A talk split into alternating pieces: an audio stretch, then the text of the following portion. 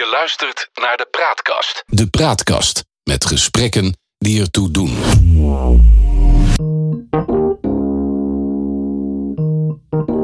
Dit is CNR, de podcast met Chris Wolters en Raymond Laurier. Leuk dat je op de playbutton geklikt hebt van CNR op de Praatkast. Fijn dat je luistert. CNR, wij, Chris en ik, selecteren zorgvuldig wat uit je speaker of uit je koptelefoon komt. Voor onszelf, voor jou en vooral met jou. We willen graag bovenop het onderwerp zitten met respect en in alle puurheid. Waar nuttig en nodig komen we met een andere invalshoek. CNR, een podcast en net even anders die door de wringer mag worden gehaald. En kritisch beluisterd mag worden. Graag zelfs. Word je nu getriggerd en denk je, hoe kom ik in contact met deze mannen? Simpel, mail ons dan op info.praatkast.nl ter attentie van CNR. Een podcast van de Praatkast, zoals gezegd. Gesprekken die ertoe doen. Dit keer in de tweede aflevering van CNR. Iets wat we allemaal wel kennen. Die aparte plaatjes. Romantisch en inspirerend. Hij was onder andere ontwerper van het Sprookjesbos in de Efteling. We hebben het over Anton Pieck met CK. Hij leefde van 1895 tot 1987 en nog steeds zit hij in het hart van velen. In Hattem is het Anton Pieck Museum. Sprookjes herleven, nostalgie ontwaakt. Gaat ons dat lukken in dit gesprek? Nou, we gaan ervoor. En dat doen we met een dame die daar alles van weet en voor leeft. Geboren in Haarlem en nu conservator van het Anton Pieck Museum in Hattem. Judith Bartel van Bekhoven. Leuk dat je er bent. Allereerst, wat een bijzondere naam, Judith. Dankjewel. Welke bedoel je? Het hele geheel. ja, dat is een samenstelling van de eerste naam die ik bij mijn geboorte kreeg, de naam van mijn man en de achternaam van mijn vader die ik ook bij mijn geboorte kreeg. Betekent dit blauw bloed toevallig? Nee, gewoon knalrood hoor. Dan gaan we snel door met de volgende vraag. Chris. Ja, en de volgende vraag is: jij hebt al heel veel gedaan, maar je bent conservator. Wat is een conservator? Een conservator is iemand die in het museum zorgt voor de collectie, voor de tentoonstellingen en die in de gaten houdt dat de missie van het museum uh, met de museumstukken ook echt uh, behaald wordt. Dat lijkt me ontzettend saai. Het is fantastisch leuk. Waarom? Je bent de dokter van de collectie. Je bent de gastheer voor de uh, ja, tentoonstellingen die er komen. En ja, het is heel erg leuk om aan mensen die komen voor hun plezier iets te kunnen bieden waar ze echt heel blij van worden. En waarom worden mensen nou zo blij van Anton Pieck? Anton Pieck roept een gevoel op van uh, geborgenheid, van gezelligheid, uh, van nostalgie. En mensen vinden dat ontzettend leuk. Heel veel mensen herkennen er ook uh, aspecten in als ze naar iets staan te kijken. En ja, heel veel mensen zijn wel opgegroeid met de kalenders van Anton Pieck. En bij ons in het museum kon je dan plaatjes tegen die je dan van vroeger kent. Dus er is gewoon heel veel herkenning en een heel fijn gevoel. Dat fijne gevoel. Um, komen mensen daar in grote massa op af? Of is het museum daar niet groot genoeg voor? Het is een klein museum, maar wij hebben wel ongeveer 28.000 bezoekers per jaar. Dat is best veel. En um, veel mensen komen uh, of met, uh, ja, met partner, of met vriendin of vriend. Het zijn niet vaak heel grote groepen tegelijk. Uh, en dat past ook eigenlijk wel prima bij het onderwerp. Want Anton Pieck is best een beetje intiem. Je krijgt steeds een inkijkje in scènes. En mensen vinden het ontzettend leuk om dat met elkaar te bespreken. Ja, ik had eigenlijk een andere vraag, maar ik hoor nu het woord intiem. En daar zijn we de laatste tijd hier in Nederland nogal mee bezig. Kan je er wat voorbeelden noemen dan hoe intiem dat is? nou, niet op die manier waarop we de laatste tijd nogal bezig zijn, gelukkig. Um, nee, het zijn vaak uh, kijkjes in uh, het huis van of in de bakkerij van. Uh, ja, plekken die we allemaal dagelijks bezoeken en die in ons gewone leven een rol spelen. En die laat hij zien. Ja, even terug naar conservator. Daar zit het woord conserveren in. Wat moet er nou zo al geconserveerd worden als we kijken naar het museum van Anton Pieck? Veel van zijn werken zijn op papier gemaakt. En papier is best kwetsbaar. En ja, we moeten gewoon heel goed in de gaten houden dat de zaken goed worden bewaard. Dus in uh, zuurvrije paspartouts.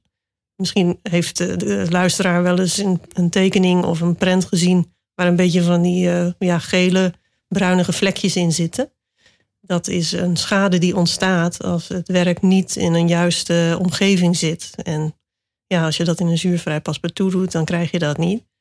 Ehm, omdat dat werk dus allemaal van papier is, moet dat netjes worden opgeborgen of uh, op de juiste wijze tentoongesteld worden. En dat conserveren houdt dus in dat je goed in de gaten houdt hoe uh, het met een werk gaat. En meestal gaat het gelukkig goed hoor. Maar er zijn ook wel werken waarbij dat uh, niet helemaal goed gaat. Maar als er nou al bruine plekjes op zitten, zoals je net aangaf, uh, hoe ga je dat dan weer conserveren dat het weer origineel of mooier wordt? Mag dat, kan dat en hoe doe je dat? Ja, dat kan. Daar uh, huren we dan wel een restaurator voor in. Um, die plekjes kunnen wel opgebleekt worden. En dan moet je er geen Glorix tegenaan gaan gooien. Maar um, dat gaat met een speciaal middel. En dan kan het echt wel weer hersteld worden. Het probleem is wel dat als het er eenmaal in zit, dat je er wel iets aan moet doen, want het wordt alleen maar erger. Zuurvrije paspartouts, je wil het niet weten.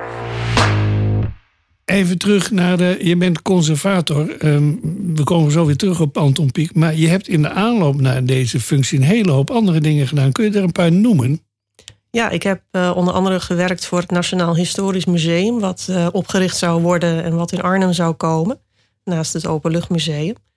En dat was een heel bijzonder project, omdat we op een andere manier naar de Nederlandse geschiedenis gingen kijken. Maar helaas ging dat uh, uiteindelijk toch niet door. Um, ik heb gewerkt voor Museum Pakhuis in Ermelo. Dat is een uh, klein museum met een leuke archeologische collectie. En ook aandacht voor de natuur in, ja, in Ermelo en omgeving. En ook voor de geschiedenis van Ermelo. Daarnaast heb ik wat tentoonstellingen gemaakt voor Museum Kasteel Wiegen. En dat museum is onlangs helemaal vernieuwd. Dat wordt 27 februari geopend. En daar heb ik wat uh, tentoonstellingen gemaakt samen met uh, inwoners van Wiegen. En als laatste project wat ik voor deze baan heb gedaan is uh, over Röntgen, de ontdekker van de stralen. Die stralen die worden in allerlei gebieden gebruikt. En Röntgen is opgegroeid in Apeldoorn en heel veel mensen weten dat eigenlijk niet. En daar wil ik meteen even op inspringen, want ik heb begrepen dat uh, in 2019, 20 stond er op stapel om daar een film over te maken. Maar die ja. gaat niet door. Hoe kan nee. dat nou? Ja, dat is heel jammer, maar degene die de film zou maken heeft dat toch uh, vanwege uh, privéredenen niet kunnen doen. Dus dat, ja, dat project is wat dat betreft nog even on hold. Er is wel een, een tweetal tentoonstellingen in Coda in Apeldoorn te zien. En die zijn ook interactief, dus daar kun je ook gewoon dingen proberen. Ja, niet met echte röntgenstralen, want dat mag weer niet. Dat is iets te gevaarlijk. Maar het is op een heel goede manier opgelost. Iets, iets anders in Apeldoorn. Er is ook een Canadian Walk geweest. Ja. Een Canadian wat? wat? Een Canadian Walk. Een wandeling door Apeldoorn met Canadese elementen. Maar dat zegt nog niks. ja, als je van podcasts houdt, dan moet je ook zeker de Canadian Walk gaan lopen. Het is een, een wandelroute tussen de Naald in Apeldoorn en de binnenstad. En langs die route zijn er tegels in de grond waar je met je smartphone de QR-code kunt scannen. En dan hoor je per stop een verhaal. Het zijn 26 stops. En ik heb die verhalen verzameld. Ik heb ook mensen geïnterviewd daarvoor natuurlijk. Bronnenonderzoek gedaan. En um, ja, dat was ontzettend interessant, boeiend, schokkend. En dat is een prachtige route geworden waar je ongeveer anderhalf uur over kunt doen. Dat was mijn vraag ook. Hoe lang duurt die tocht? Maar je hebt het al verklapt. Anderhalf uur. Um, wat heb je eigenlijk niet gedaan? Want volgens mij, als ik, jullie, of ik jou weer vraag van um, wat heb je nog meer gedaan, dan komt er nog een lijst. Ik heb het gevoel dat jij bijna nooit thuis bent en nooit slaapt. Klopt dat? ik ben zeker wel thuis. Slapen doe ik ook wel graag, maar uh, liefst niet zo lang, want ik vind het een beetje saai. Um, maar uh, ja, ik heb ook nog voor overheden gewerkt en uh, in de erfgoedsector gezeten. Het maakt wel dat ik met een ja, breed palet deze baan ben ingestapt. En dat heeft weer allerlei voordelen. Wat springt er nou uit dat je zegt van dat heb ik gedaan of dit doe ik nu wat ik helemaal top vind en eigenlijk wil ik dat heel lang blijven doen? Wat ik nu doe wil ik heel lang blijven doen. Ik vind het ontzettend leuk om met een collectie te werken. Om dicht bij het publiek te zijn. Het is uh, geweldig om voor een groot museum te werken, maar je hebt toch iets meer afstand tot de bezoeker. Ja. En ik vind het juist zo belangrijk om te merken en, en, te ervaren wat de bezoeker nou eigenlijk vindt en wat hij waardeert en wat hij misschien wat minder interessant vindt. En dat kan in zo'n klein museum het allerbeste. Hou jij van verrassingen? Tuurlijk. Nou, we geven normaal nooit cadeautjes, maar we leggen nu iets voor je neer. Dan is het even de vraag wat het is. En Chris gaat nu vertellen wat er op tafel ligt, want tenslotte is het radio. Wat zeg ik? Een podcast. Nou, wat zo leuk is, eh, Anton Pieck, dat wekt allerlei associaties op. Natuurlijk de kerstkaarten. Eh, Nou, dan duiken Raymond en ik erin. En dan kom je tegen dat er boeken zijn. En die boeken hebben wij gespot ergens bij een antiquariaat. En dan kom je erachter dat ze soms 25 euro kosten.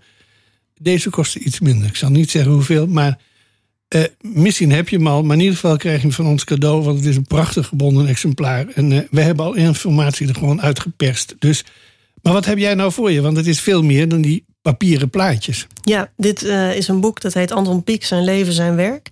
Het is een heel mooi boek waarin heel goed beschreven staat wat, wat hij allemaal heeft gedaan en hoe hij ertoe is gekomen. En er staat ook wel leuke informatie in over zijn jeugd.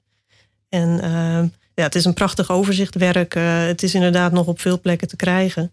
Dus als je het ergens ziet staan, luisteraars, zou ik het gewoon op de kop tikken. Want het is een hartstikke leuk boek. Dus je kent hem al en je hebt hem al? Ja, dat was wel mooi. Ik kreeg hem dit jaar van de Goede Sint. Ehm, mijn elfjarige dochter had mij getrokken. En die had een uh, iPad gemaakt uh, van karton. Met daarin allerlei foto's van dingen die ik belangrijk vond. En de eerste foto die ik op die iPad aantrof, en die moest ik met karton erin schuiven, was de foto van Anton Pieck.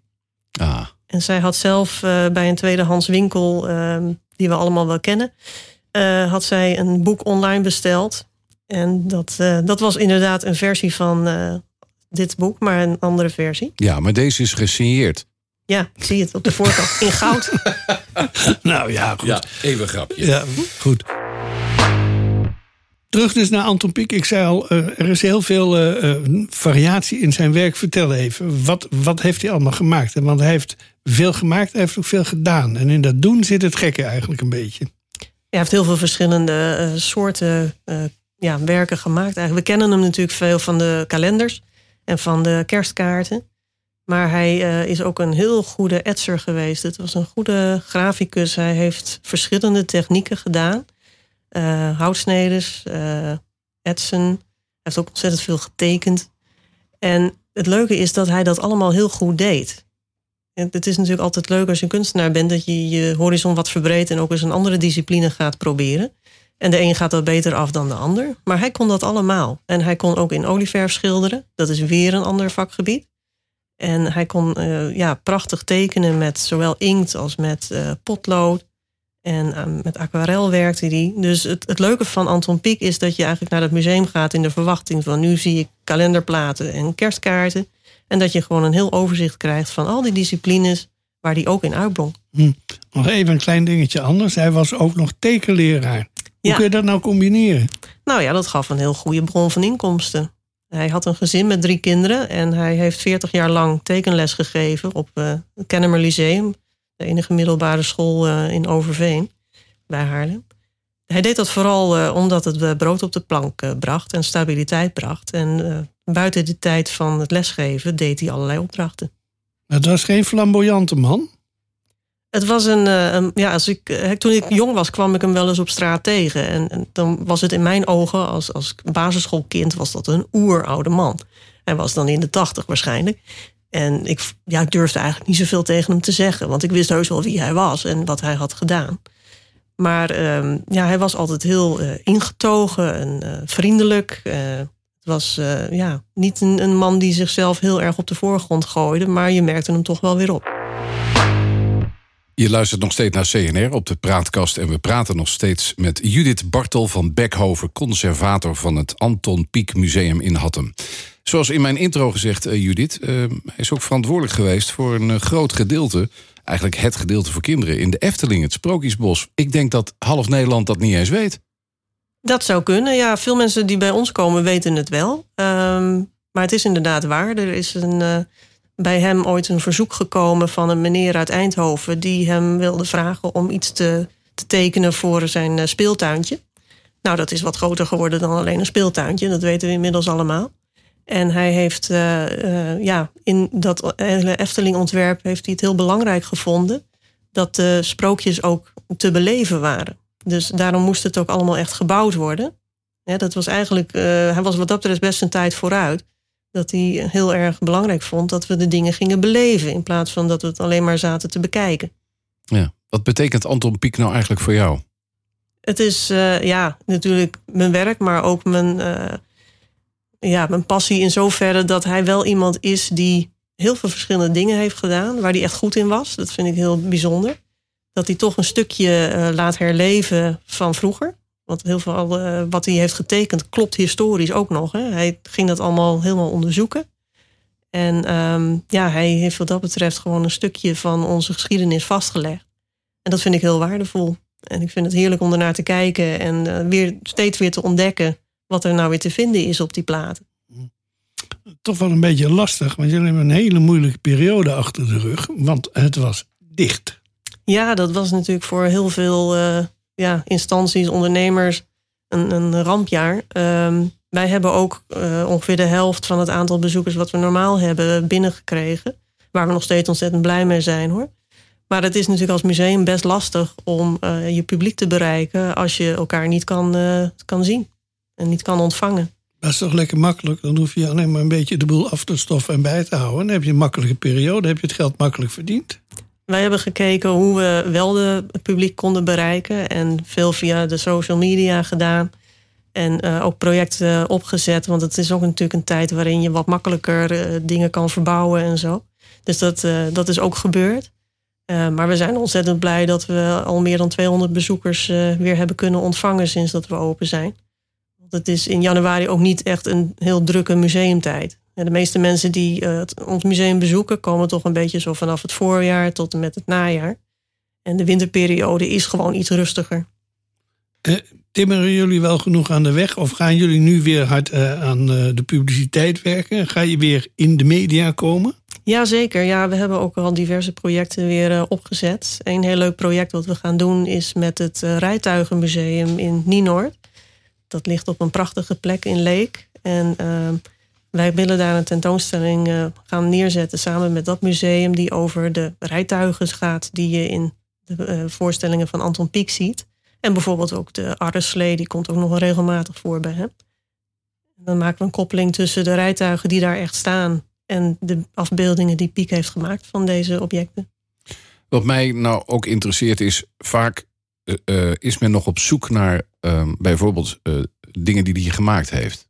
Zijn er nog zoektochten aan de gang of is alles te zien in het museum?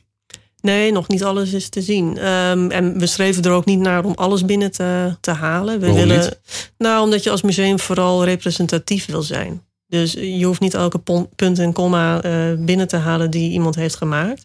Maar wat je hebt moet wel goed representatief zijn voor het oeuvre van in dit geval Anton Pieck. En ja, er zijn natuurlijk nog steeds uh, dingen die wij niet hebben of niet veel hebben.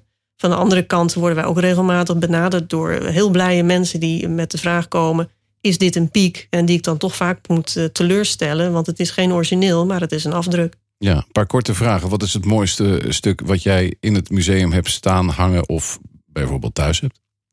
Um, ik denk uh, een olieverfschilderij wat hij heeft gemaakt. Um, dat is misschien niet het allerbeste in kwaliteit, maar het is wel indrukwekkend. Hij heeft op tienjarige leeftijd een, een schilderijtje gemaakt voor een wedstrijd. En als ik uh, zie hoe hij dat als tienjarige heeft gemaakt, het is een stil leven, dan heeft hij dat zo goed gedaan. Dan zie je gewoon dat hij echt talent had.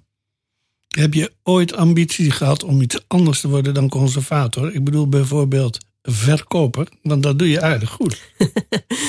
nou, piloot leek me ook wel leuk, maar ja. Um, nee, ik, uh, ik was als jong kind heel erg geïnteresseerd in kunst. Nou zijn kunstboeken vaak ook groot, dus die staan onderaan in de boekenkast. Dus uh, toen ik over de vloer kroop, vond ik het ook wel leuk om die eruit te trekken. Maar ik vond het ook heerlijk om naar die plaatjes te kijken. En uh, ja, Anton Pieck was daar natuurlijk één van. Maar ook bijvoorbeeld Pieter Bruegel, dat vond ik ook prachtig. En ja, Jan Steen vond ik heel erg leuk. Dus ik hield al vanaf jonge leeftijd heel erg van kunst die een verhaal vertelde. En omdat de afbeelding zelf zwijgt, uh, deed ik het verhaal er wel naast. Zoals Chris zei, je verkoopt goed, dus dan mag je in twee zinnen vertellen. In twee zinnen waarom mensen naar het Anton Pieck Museum moeten komen in Hattem. Een bezoek aan het Anton Pieck Museum is genieten, verbazen, lachen en gewoon heel gezellig en geïnspireerd weer naar buiten gaan. Dat zijn twee zinnen? Weet ik niet. ja, trekt ze zich toch niks van aan. Nee. nee. Bovendien heeft ze dan vergeten dat er straks heel veel te beleven valt. Ja. Je bent gek op sprookjes. Om het af te ronden, welk sprookje hangt bij jou nog steeds boven in je hersenpan? Um, nou, dat wordt een moeilijke keuze. Maar um, Eentje maar dit keer. Eentje, ik denk uh, het verhaal van de ontevreden steenhouwer... die loopt te zwoegen en in de rots loopt te hakken en denkt, pff, was ik nou maar die rots en dan was ik groot en dan. eh, en zo gaat dat verhaal dus steeds verder. En uiteindelijk komt dit erop uit dat het eigenlijk toch prima is om steenhouwer te zijn. Hmm. Als mensen nu geïnteresseerd zijn, ik kan me bijna niet voorstellen dat het niet zo is. Ehm, heel kort, eh, waar is het museum en hoe kunnen mensen in contact komen met het museum, schuine streep, met jou? We hebben een website, en die heel, heet heel verrassend eh antonpieckmuseum.nl. Daar is veel informatie op te vinden. Daar zetten we ook steeds meer informatie op, zodat iedereen ook steeds beter kan zien wat nou het oeuvre is van Piek en wat de korte informatie over elk werk. Ehm, het museum ligt in Hattem en dat is sowieso een heel leuk plaatsje om te bezoeken en ook goed te bereiken. En we zijn open eh, van dinsdag tot en met zondag. Nou, duidelijk. Eh, zijn wij iets vergeten te vragen? Ik zou het niet weten. Nee, nou, dan gaan we aan de koffie of de thee. Tot zover deze tweede aflevering van CNR op de Praatkast... met Judith Bartel van Bekhoven, conservator van het Anton Pieck Museum in Hattem. Heb je opmerkingen, ideeën of wil je gewoon wat kwijt aan CNR? Mail ons dan gerust op info.praatkast.nl ter attentie van CNR. Check ook onze andere verschillende podcasts op de Praatkast... of tune in op onze eerstvolgende CNR-aflevering. Namens Chris en ondergetekende Raymond Laurier... bedankt voor het luisteren en graag tot een volgend luistermoment. Dag. Je luistert naar de Praatkast. De Praatkast met gesprekken die ertoe doen.